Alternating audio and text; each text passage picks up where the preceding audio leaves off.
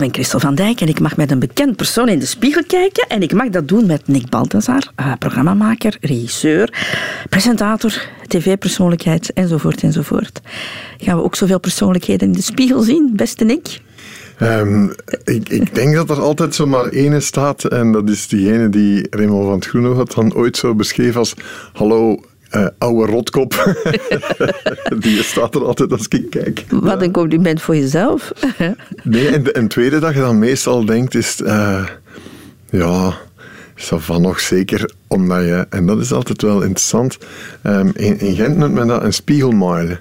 Uh, iedereen heeft zo het soort gezicht dat je dan begint te trekken als je in een spiegel kijkt. En dan nemen we altijd allemaal zo'n pose die die iedereen van elkaar ook ongeveer kent.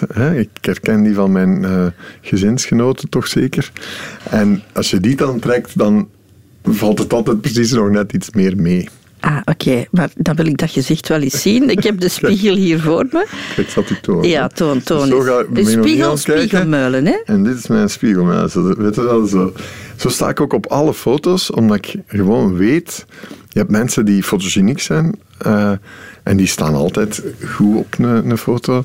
En mensen zoals ik, die gewoon moeten kijken ze van, alright, ik kan me daarop concentreren en dan ga ik die muil trekken. En dus ik sta op alle foto's met, met dat soort... Maar ik, ik moet het even beschrijven, hè, want uh, niemand ziet het nu. Dus doe, het nog eens, dat ik het even kan beschrijven. Bijvoorbeeld, ik uh, doe de linkerkant naar, naar meer prominent, want iedereen heeft een goede kant en een slechte kant. Hè. Mhm. Bij mij is dat echt... Het kan een idee fix zijn, maar is het, is het duidelijk de linkerkant? En ik weet dat bijvoorbeeld dan, dan fotografen, als die dan eens langskomen, zeggen, ja, draai eens naar de andere kant. Dan denk ik, ja, of ik zeg zelfs, ik wil dat doen, maar je gaat toch de andere kant nemen. En dat blijkt altijd wel juist te zijn. En wat is er dan beter aan die linkerkant? Oei. ik heb niet gezegd, want die is minder erg. Enfin, Oké. Ja, nee, kijk, ja, dat is... Ik, eh, eh ik heb het niet geanalyseerd, hè, maar ik weet wel ah, ja. dat, dat zo is bij veel. Enfin, je hebt, je hebt Gina Lollobrigida bijvoorbeeld, die liet, dat stond in haar contract, dat die maar enkel van, van de linkerkant telkens mocht aangevaren worden. Julio Iglesias ook. Ja, maar ik weet, niet welke kant, ik weet niet welke kant bij hem het, het, beste was. Maar goed, als je nu gewoon uh, in de spiegel kijkt, zonder de goede of de slechte kant in acht te nemen, kan je de man beschrijven die jij ziet? Um, ja, een, mens die, die, die dan toch zijn best doet om, om er nog uh, zo wat presentabel uh, uit, uit, te zien. En uh, die kaal is natuurlijk, hè, dat is, dat is um, bij ons kale mensen dan toch altijd nog een, een jeugdtraumaatje dat niet helemaal overgaat. Wees het een keer dat je zo het mes erin zet om van, van het beetje haar naar nul haar te gaan, dan komt het aanvaardingsproces op gang en dan, dan leert je daar beter mee leven. Maar ik zie altijd nog wel een kletshoofd. Zo. Ja? ja? Want ik, ik ken jou precies alleen maar kaal of kalend. Dus dat is toch al heel snel of heel jong begonnen dan? Amai, ik was 21 of zo toen, toen dat proces zich in, inzette. Ik, ik speelde toen in een, in een stuk waarvoor ik zo gemillimetreerd haar. Ik moest zo een, een uh, officier spelen, nogal een klootzak. En uh, dat had men mij gevraagd, uh, wil je dat doen? Millimetreren. In Gent noemen ze dat kamdikte. Ik zei, pardon? Kamdikte. En kamdikte wil zeggen, alles wat boven de kam uitkomt, gaat eraf. Maar zeker in die tijd, we spreken nu over de 20e eeuw, ja, als je dat had, dan was je ofwel zo'n skinhead, of zeer extra rechts, eh, of extreem rechts, of, of uh, gewoon uh, bedleger of zo, ja, ja. para. En dus zo liep ik plots rond en die kapper zei tegen mij: Het gaat goed zijn voor je hoor, want het gaat dus schuin deken terugkomen, want het begint een beetje dunner te komen. In Nederlands begint wat dunner te komen, het zal mooi dik terugkomen. Maar we hebben dat stuk een jaar gespeeld en uiteindelijk, toen het dan moest terugkomen, is het eigenlijk nooit in zijn volle glorie teruggekomen. Maar ik heb ooit haar gehad, Christel. Ja. Krullen zelfs. Krullen? Blond. Blond? Oh, een blonde jonge god. maar dus, en dan, ja, je hebt het dan teruggekregen. maar niet, niet volledig. En hoe, hoe lang heeft het dan geduurd tot, tot, tot, Ja, tot het echt allee, erg werd, tussen aanhalingstekens? Ik vond dat al meteen zo wel, wel wat erg. En ik ben dus zo op televisie gekomen. Nog dat ik dacht, allee, heeft er dan nu niemand het goede idee gehad? Wa- Was op een gegeven moment aan mij vroegen toen ik een eh, casting ging doen voor MTV. Weet je wel, eh, toen was Marcel van Tilt en zo net teruggekomen. En eh, ze hadden een nieuwe casting voor een VJ. En die kerel eh, vroeg, have you ever considered shaving, shaving it all off?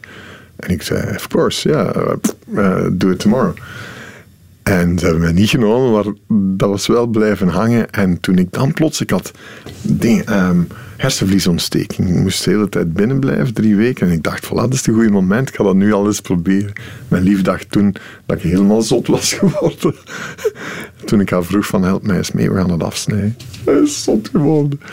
Maar eh, toen is het gebeurd. En eh, een, een soort eh, ja, re- rebirth heb je dan omdat je denkt, oké, de strijd is gestreden, ik heb hem verloren. En ja, dan langzaam, En hoe oud was je toen? ja, ik denk dan zo vijf- 25. Dat is jong, hè? 16, Ja. ja, ja. Maar zit dat in de familie? Is dat, ja, ja, ja, dat was no escape. Mijn vader was zeker biljartbal, maar het schijnt, eh, wat haar betreft, dat het eigenlijk met je moeder meekomt. Maar de vader van mijn moeder, die was ook al even klets. Ja. No escape. Maar is dat ooit lelijk geweest, een, een kale of een kalende man? Ik kan me dat precies niet herinneren. Nu is dat echt anders. Hè? Nu, nu zo, Right Set Fred had je ook nog. Ja. En lijk ik zelf een klein beetje op, inderdaad, als ik foto's van die... Ehm, maar die was dan heel erg gespierd. Eh, en, en vandaag heeft het iets zo, ja... Zeker als je iets ouder wordt. Normaal begin je dan nu grijs te worden en begint dat toch zo wat uit te dunnen. En dan dacht ik, oké, dat probleem ga ik dan niet hebben. Dan ga ik nooit grijs hoeven te worden. Maar toen kwam de baardenmode op en eh, dan moest ik daar ook van mijn madame maar aan meedoen. En werd toch duidelijk dat ik niet enkel kaal was, maar nu ook nog grijs. Ja, een kale en grijze man ben jij nu eigenlijk, ja. Voor de beschrijving. Maar je hebt er de leeftijd voor, uiteraard. Dus dat, hè. Je, Ja. Je bent bijna 60, hè? Volgend Ja, jaar wordt, word- word jij 60. Mm, Nee, Nee? ik moet eerst nog 59 Ja, worden. je moet Christel. 59, dit jaar word je 59 nog, Ja, hè? En dan, ja, ik- Dan volgend jaar, volgend jaar word Ah ja, dat is waar. Ja, ja. Wordt- wordt oh, reality 60. check. Goed, goed. We gaan nu niet over een jaar beginnen fitten, hè? We benoemen jou een man van 60. Nee, nee, kom aan, geef mij nog twee jaar alstublieft. Of toch een één jaar. Dus een, een, een late vijftiger wil ik nog eventjes zijn. En, en nee, ik zie echt nog geen zestiger. En met vijftig, daar kon ik echt zo goed mee leven. En eh, ja, wie heeft het ooit gezegd? Ik denk dat Oscar Wilde was. Die zei: The tragedy of age is not that we grow old, but that we stay young. Dus als je die spiegel hier niet bij hebt, dan, dan ben je ergens nog altijd een frisse dertiger in het diepst van je gedachten. Eh, tot die spiegel er dan bij komt en, en ik dat aan kan. Hè. Maar. eh, ja, 60 moet ik nog heel eventjes... Enfin, heb ik toch nog een jaar om, om mij daarop voor te bereiden. Om te winnen, ja. Dus ja, 60 is voor jou een, een, een moeilijk getal. Hoe, hoe- wat is jouw mentale leeftijd dan? Ja, dat is heel eh, lang iets van een eh 17 geweest. Zo. Eh, en dan ben ik groter geworden. Toen ik dan eens 50 ben geworden, is mijn mentale leeftijd ergens rond de 30 gekomen. Dus dat vond ik al winst. Maar als ik zo... Ja, ik ken de, de televisiereeks dertigers en zo. En dan zit ik naar aan het kijken en dan denk ik, ah ja, oké, I, I can relate to that. Terwijl ja, ik in de, in de reeks zestigers dus ga moeten mee, mee gaan spelen. Daar gaan ze jou voor vragen, spijtig genoeg. Ja, ja, ja. Nee, nee, maar Ja. Ik kan het aan, hè. eh, Om, eh, van zodra dat het 60 het nu zal zijn, dan, dan eh, ja, Ja. aanvaarding, hè. Maar eh, Maar vond je die, die jaren in de 30, vond je het ook eigenlijk, als je daarop terugkijkt, jouw beste jaren? eigenlijk wel, ja. ja. Ik vind, allee, dat waren echt zo... Ja, plotseling bijvoorbeeld, ja, kinderen gaan maken is zoiets fenomenaal wonderlijk. Want je hebt het grootste wonder ter wereld eh, volbracht. En tegelijkertijd was dat bij mij ook wel zo, ja, televisieprogramma, ah, idee, ja, oké, dat is goed, dan mogen we dat maken. Ah ja, dat kan hier, is geen geld en zo, we gaan het toch doen. Eh, Film maken plotseling, en ja, bij niks is toen ook zo Dat was eerst een boekje dat ik dan maar eens had geschreven op, ik denk vijf weken of zo. Roel van de Stukken komt langs en zegt, ja, kunnen we daar een theater, theatervoorstelling van maken? Roel, dat is een slecht idee. Het gaat over iemand met autisme. Oké, we gaan het toch doen. Tjak, gemaakt ook op, ik denk anderhalve maand.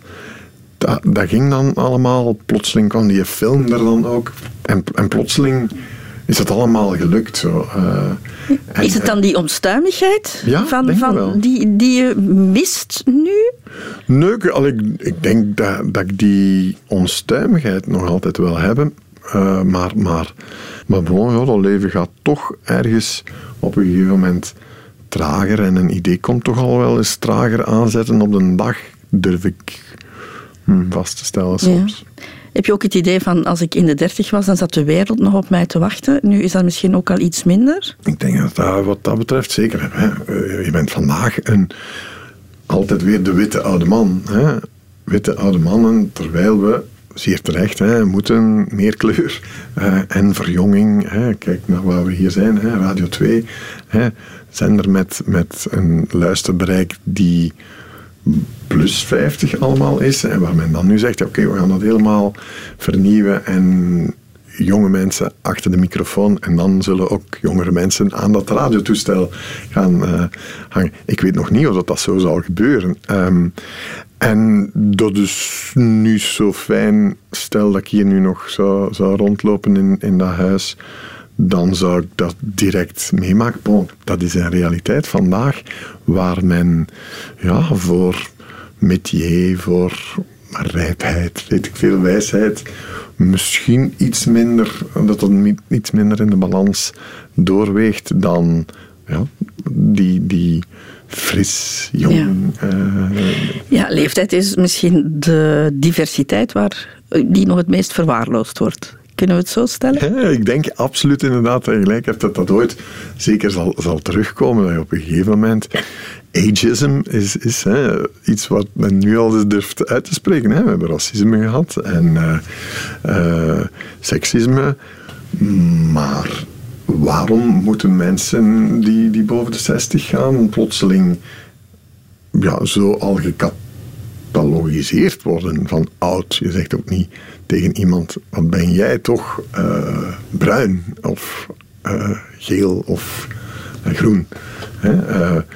je voelt dat het, het is een zeer terechte ja, afzetting tegen een, wereld die zoveel decennia, eeuwen, millennia is geregeerd door oude witte mannen. Dus ik, ik snap de backlash wel. Maar tegelijkertijd heb ik zoiets van, ja, maar ik, it wasn't me, hè. Ja. Goed, we hadden het erover dat je die, die jaren, dat toen je in de dertig was, dat je dat eigenlijk fijne jaren vond. Omdat je dan ook, hè, je, je begon aan kinderen, je, je, had een, je begon aan een succesvolle carrière. Nu, als ik daarop terugdenk, dan denk ik, dat was toch ook verdomd wel een helse periode. Want je had je carrière, je had je kinderen. Ik, ik vond dat bij momenten vroeten en ploeteren om het allemaal gedaan te krijgen. Maar misschien zijn wij dat vergeten. Ik denk het. Ik, elke keer als ik hier nog terugkom, want ik werkte toen voor de radio en voor televisie en was, was ondertussen, ik weet niet wanneer, uh, scenario's aan, aan, schrijven uh, enzovoort. En ik weet wel dat ik, ik werkte makkelijk 16 uur per dag. En daartussen die, had ik me echt voorgenomen om een zeer aanwezig vader te zijn en en uh, toen met Lieve was dat zo. Zij was ook heel vaak op reis, ik ook. Dus het was soms week om week dat, dat je ook heel actief voor die kinderen moest zorgen en alles doen.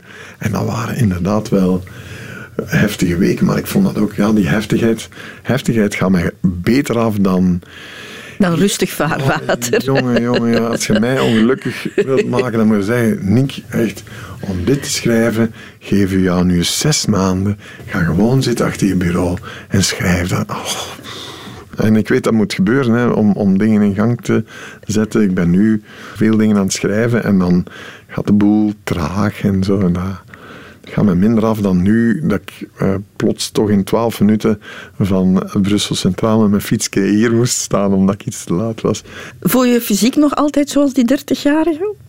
Ja, wat dat betreft uh, is dat mijn enige systeem dat ik probeer echt zo de machine toch echt wel aan de gang te, te houden. Dus ik weet ook ja, ik heb altijd heel veel sport gedaan. Ah ja, je hebt rugby zelfs hè, ja, gespeeld. Ja, Dan moet je toch wel in topvorm zijn, denk ik. Dat zijn grote brede kerels toch, hè? Ja, ja. en, uh, en, en die machine moet inderdaad zo afgetraind staan, of, of, of dat is moord en doodslag. Dat is nu niet meer het geval. Dat heb ik doorgegeven aan uh, mijn zoon Boris. Uh, is er veel ver veranderd, ja? Lichamelijk, ja? Nee, alles zo, zo toch. ik heb dus in, in mijn um, hele zoektocht naar wat maakt ons gelukkiger of minder ongelukkig, is iets heel interessant naar boven gekomen. En het blijkt dat eigenlijk ook jouw spieren geven die oxytocines, hè, gelukshormonen af en, en uh, endorfines en, enzovoort. Dus het werkt omgekeerd. Jouw lichaam houdt jouw, jouw hoofd um, op orde. Enfin, dat weten we altijd al, maar zelfs echt spierarbeid, krachttraining. Je voelt dat je daar gewoon ook, enfin, ik voel dat gelukkiger van, van wordt. Omdat je spieren dan ook meteen, dus ja, het knuffelhormoon en zo ah, naar, je hoofd uh, uh, en ondertussen blijf je er toch iets uh, beter uitzien. Ja, ik heb wel de indruk dat jouw lijf nog in orde is. Hè? Je mag straks eens voelen. Jij durft nog altijd goed in, in zwembroekje op strand te lopen. Ja, ja, ja ik ben uh, beach ready. Daar ja. moet je niet te schamen. ja, dat schamen moeten we natuurlijk ook zo keihard vanaf. Uh, en dat is... Kijk, ik ben gelukkig door, door heel progressieve ouders uh, opgevoed. Uh, wij, wij gingen naar naturistenkampen en zo. Kampen, lijkt. Kampen. Campings. We mochten niet zeggen nudistencampings, omdat het hè, van mijn ouders die zeiden: nee, het gaat over de natuur. Hè. We gaan in de natuur. En in de natuur zijn we ook gewoon beter onze natuurlijke zelf. En daar al leerde ik heel erg vroeg. Je had daar mensen die dik waren, dun, eh, soms een, een, borst al mankeerden eh, enzovoort. En dat werd nooit weggestoken. En dat heeft mij toen al toch meegegeven dat, dat een lichaam nooit iets, iets is om, om, om zich voor te schamen. Zelfs al zal het ook bij mij uiteraard uiteindelijk in een soort verval uh, gaan. Maar ik ga mij nooit om mijn lichaam beginnen schamen. Maar jij gaat ook zonder gijnen om met naaktheid? Heb je dat ook bijvoorbeeld ten opzichte van je kinderen? En, en... Ja, dat is zo. Dat, dat, uh, we hebben het nu niet verder gezet, het naturisme, maar, maar uh, ja, uh, dat was bij, ons thuis ook al. Ja, iedereen liep daar naaktbadkamers en zo binnen en buiten. En dat hebben wij denk ik wel zo voor doorgezet. En ja, ik ben opgevoed door een, door een moeder die, die een, een Dolomina was hè, toen, maar ook met, met een hele gezonde seksualiteit en, en, en gezonde interesse daarvoor, die ze denk ik heeft overgebracht op haar zoon. En, en ja, ik ben. Ik, uh, dat is aangenaam om, om. Bijvoorbeeld, ik ga heel veel dansen. En in die voorstelling die, die ik ben aan het maken, die Philodrome gaat heten, waarin we mensen echt willen meenemen in dansen, mediteren, ademen, eh, maar um, bijvoorbeeld ook ja, dansen. Dat is zo fantastisch leuk om te doen. En je, je, je, maakt zoveel dingen mee met jezelf en met elkaar. Hè. Dus uh, mm -hmm. dat is ook wat, wat, ik dus wil doen met die voorstelling. Uh, kijken hoe we terug kunnen verbinden met onszelf en met elkaar. Zoveel mensen hebben zo'n problematische relatie met, met hun lichaam en met die spiegel. En je moet daar ook mee bezig zijn. Net zoals we gaan joggen. Hè. Mm -hmm. Om ons lichaam te onderhouden is dat ook een dagelijkse mentale hygiëne die... die die we beter een beetje ter harte zouden nemen. Hmm. Als je nog eens in de spiegel kijkt, beste Nick, dan zou ik ook graag weten wat jij vindt dat jij uitstraalt. Als mensen jou niet kennen, hoe, hoe zouden ze jou dan omschrijven, denk je? Ja, heel veel. Eh, zeker bij mannen, hè, waar, waar mannen zijn, uh, laat ons wel wezen, in, in, de, in het dierenrijk. Bij de pauw bijvoorbeeld is de, de man het, het mooiere dier. Bij de eenden is dat ook zo, geloof ik bij de mens is het duidelijk dat jullie dat zijn. Hè, dat de vrouwen toch, toch de esthetische kwaliteiten hebben meegekregen. Wij zijn eerder ja, zo, mm, vaak iets mattere diersoort. Maar wat je kan doen, denk ik, is... En dat durft dan ook met mijn leeftijd en zo. Maar dat, dat is op energie doorgaan. Zo. En dat, dat is iets wat ik altijd wel gewoon heb, heb gehad. Zo heel hard en heel hevig willen leven. Zo. En, en ik denk dat dat altijd nog wel overslaat of zo. Dat, dat zie je in mensen, hun ogen, dat zie je... Ik zie ook altijd een vrolijkheid in jou. Dat straal jij toch ook, ook uit? Je hebt ja, lachende ogen. Hè? Ja, maar... Zelfs als je niet lacht, dan lach je die precies nog altijd. Hè? Ja, en ik ben natuurlijk ja, ongeveer dagelijks bezig met, met het teleurgaan van, van, teleurgaan van, van de planeet, van ons ecosysteem, van ons klimaat. Dus, dus ik, ik ben op zichzelf geen heel erg vrolijke Frans wat dat betreft, maar ik probeer inderdaad een heel positieve pessimist te zijn. Hè? Eh, als je vandaag gewoon optimist bent, dat is een beetje dom. Dan heb je de krant niet gelezen. Als je pessimist bent, ja, dan heb je het opgegeven. Dat, dat zal ook niet helpen. Dus je moet ergens uh, activist zijn. En activist houdt in actief uh, ook dingen blijven doen. En, en dat doe je beter met vrolijkheid of zo. En, en zelfs, ja, dus als, als klimaatactivist, dat helpt niet om, dat, om daar al dagen de triestigheid van in te zien, hoe vreselijk dat we er ook aan toe zijn. Ja, die positiviteit, dat gaan we allemaal zo nodig hebben. Dus die, die twee, tweedeling zit er wel. Ja. We hebben het al een paar keer over jouw ouders gehad. Wie van hen zie je het meest in de spiegel? Dat is grappig, hè? Dat, is, dat, is zo, dat was altijd mijn moeder. Iedereen zei altijd: Ah, mijn broer is, is de griezelige kopie van mijn vader. Is, is, is ook dezelfde levenswandel, identiek. Heeft dezelfde stem, ah, manneke. Uh, is een soort genetisch experiment waar ze dus, dus een kopie hebben genomen met, met 60 jaar tussen. En dat was altijd, en Nick, dat is juist zijn ma. Um, mijn moeder was, een feest was geen feest als ze niet op tafel had gedanst. Uh, en zij was zo levenskrachtig dat men, ik ben veel Gens aan precies, dat men in Gent zei van, de diegom er moet onder steken. Ik weet niet of je dat, hè, we gaan niet er moeten ondersteken. Helaas is het dan plotseling ja, toch anders uh, gegaan, maar mijn moeder was een ongelooflijk levenskrachtige en levenslustige vrouw, dus daar had ik veel van. Maar dan heb je ook het uh, liedje van Stef Bos en van Papa, ik lijk steeds meer op jou.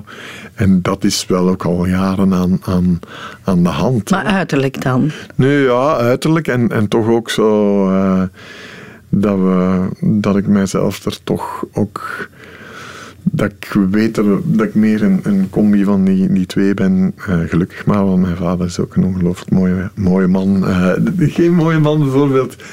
Uh, esthetisch gezien zal die geen prijzen winnen. maar alle vrouwen hadden altijd iets, nu nog altijd zo van, hij is 85. Oh, je vader. Oh, dat is... Oh. Maar hij was ook een lange, reizige figuur die... die altijd een zachtheid, een, een, een krachtige zachtheid uitstralen. charisma noemen ze dat uh, waarschijnlijk. Ja, en dat zou van jou toch ook wel gezegd worden? Ik, uh, als, als dat zo zou gebeuren, en dat, dat gebeurt wel, fijn, dan, dan, dan vind ik dat een gigantisch mooi compliment. Maar dat weet je toch? Ja, maar, ja, maar het is moeilijk om dat van jezelf nu te zitten zeggen. Um, ik ga nog eens even naar jouw lichaam kijken, of van jij, jij ook. Hè? Mocht je iets kunnen veranderen, wat zou het dan zijn? Het grappige is, ja, ik moet toch terug uh, gaan naar waar we zijn begonnen. En dat is, als je ooit kaal bent geworden, heel vroeg, dan... Ik had toch nog wel soms eens het soort dromen dat ik haar had, weet je wel. En, en dat vind ik dan altijd wel iets, iets mooi. Ik zou het niet meer willen, omdat waarschijnlijk, als ik het nu zou hebben, zou het weer aan de dunne eh, kant geraken en, en grijs. En dan gaat het hele proces overnieuw beginnen. Dus uh, liever niet. Maar, maar dat heb ik lang toch gedacht van... Shit man, allee. Mensen die zeiden van, ja maar allee, uh, dat staat nu zo goed. Uh, denk, ja, je zou me moeten zien met haar. dus ja, dat, dan zou dat misschien nog zijn. En ja. de rest. Zo de versie van de 18-jarige Nick Balthazar. Hè? Ja, ik was... Een, scho een schone jongen? Ik, ja, alleen. Ja, ja, ja, ik, ja, als ik nu, maar dat is bij iedereen, als je naar foto's kijkt van vroeger natuurlijk, uh, met haar, dan. Uh, maar was het alleen de haar? Of, of? Nee, nee, nee, ik was, ja, ik was uh, gewoon ja, groot, breed ook altijd wel. En dat was voor, voor, voor een jongen, dat is zo oneerlijk natuurlijk, na bijvoorbeeld zoveel getalenteerde fantastische mannen die gewoon klein zijn. Ik vind altijd dat vrouwen daar heel erg, nou, toch bijna seksistisch uh, hard in zijn. Uh, ja, ik, ik, vond dat toch vaak een, een, een bijna onheus voordeel als je een, een breed en groot lichaam had dan, dan, uh, en, en een blonde kop haar met, met krullen. En ik zat op dat Atheneum waar ze 1500 mensen waren. Dat was een soort universum. Je kon daar een soort BV in het klein zijn. Hè? En dat was ik dan wel. Zo. Dat, dat weet ik nog wel. En, en dan genereert het allemaal zichzelf. Dus daardoor krijg je een zelfzekerheid. Die zelfzekerheid is natuurlijk ergens zo aantrekkelijk. Dus, en dan is dat een opwaartse spiraal. En, en, en je ziet veel jongeren vandaag ook, hè, die neerwaartse spiraal waar, waar er zoveel bodyshaming is en waar, waar zoveel jongeren zo onzeker worden over hun lichaam. En als dat ene keer zich inzet, zelfs bij heel erg mooie mensen, vaak mooie meisjes bijvoorbeeld ook, is dat zo destructief. Uh, en zie je die, die neerwaartse spiraal komen, dat, de mooiste mensen geen spat zelfvertrouwen nog hebben, uh, diep in zichzelf en, en ja. Mm, maar jij had het wel toen je daar rondliep op het Atheneum. Zo de, de blonde, zoals je het nu beschrijft, dan zie ik zo voor mij zo'n blonde surfjongen. Zo.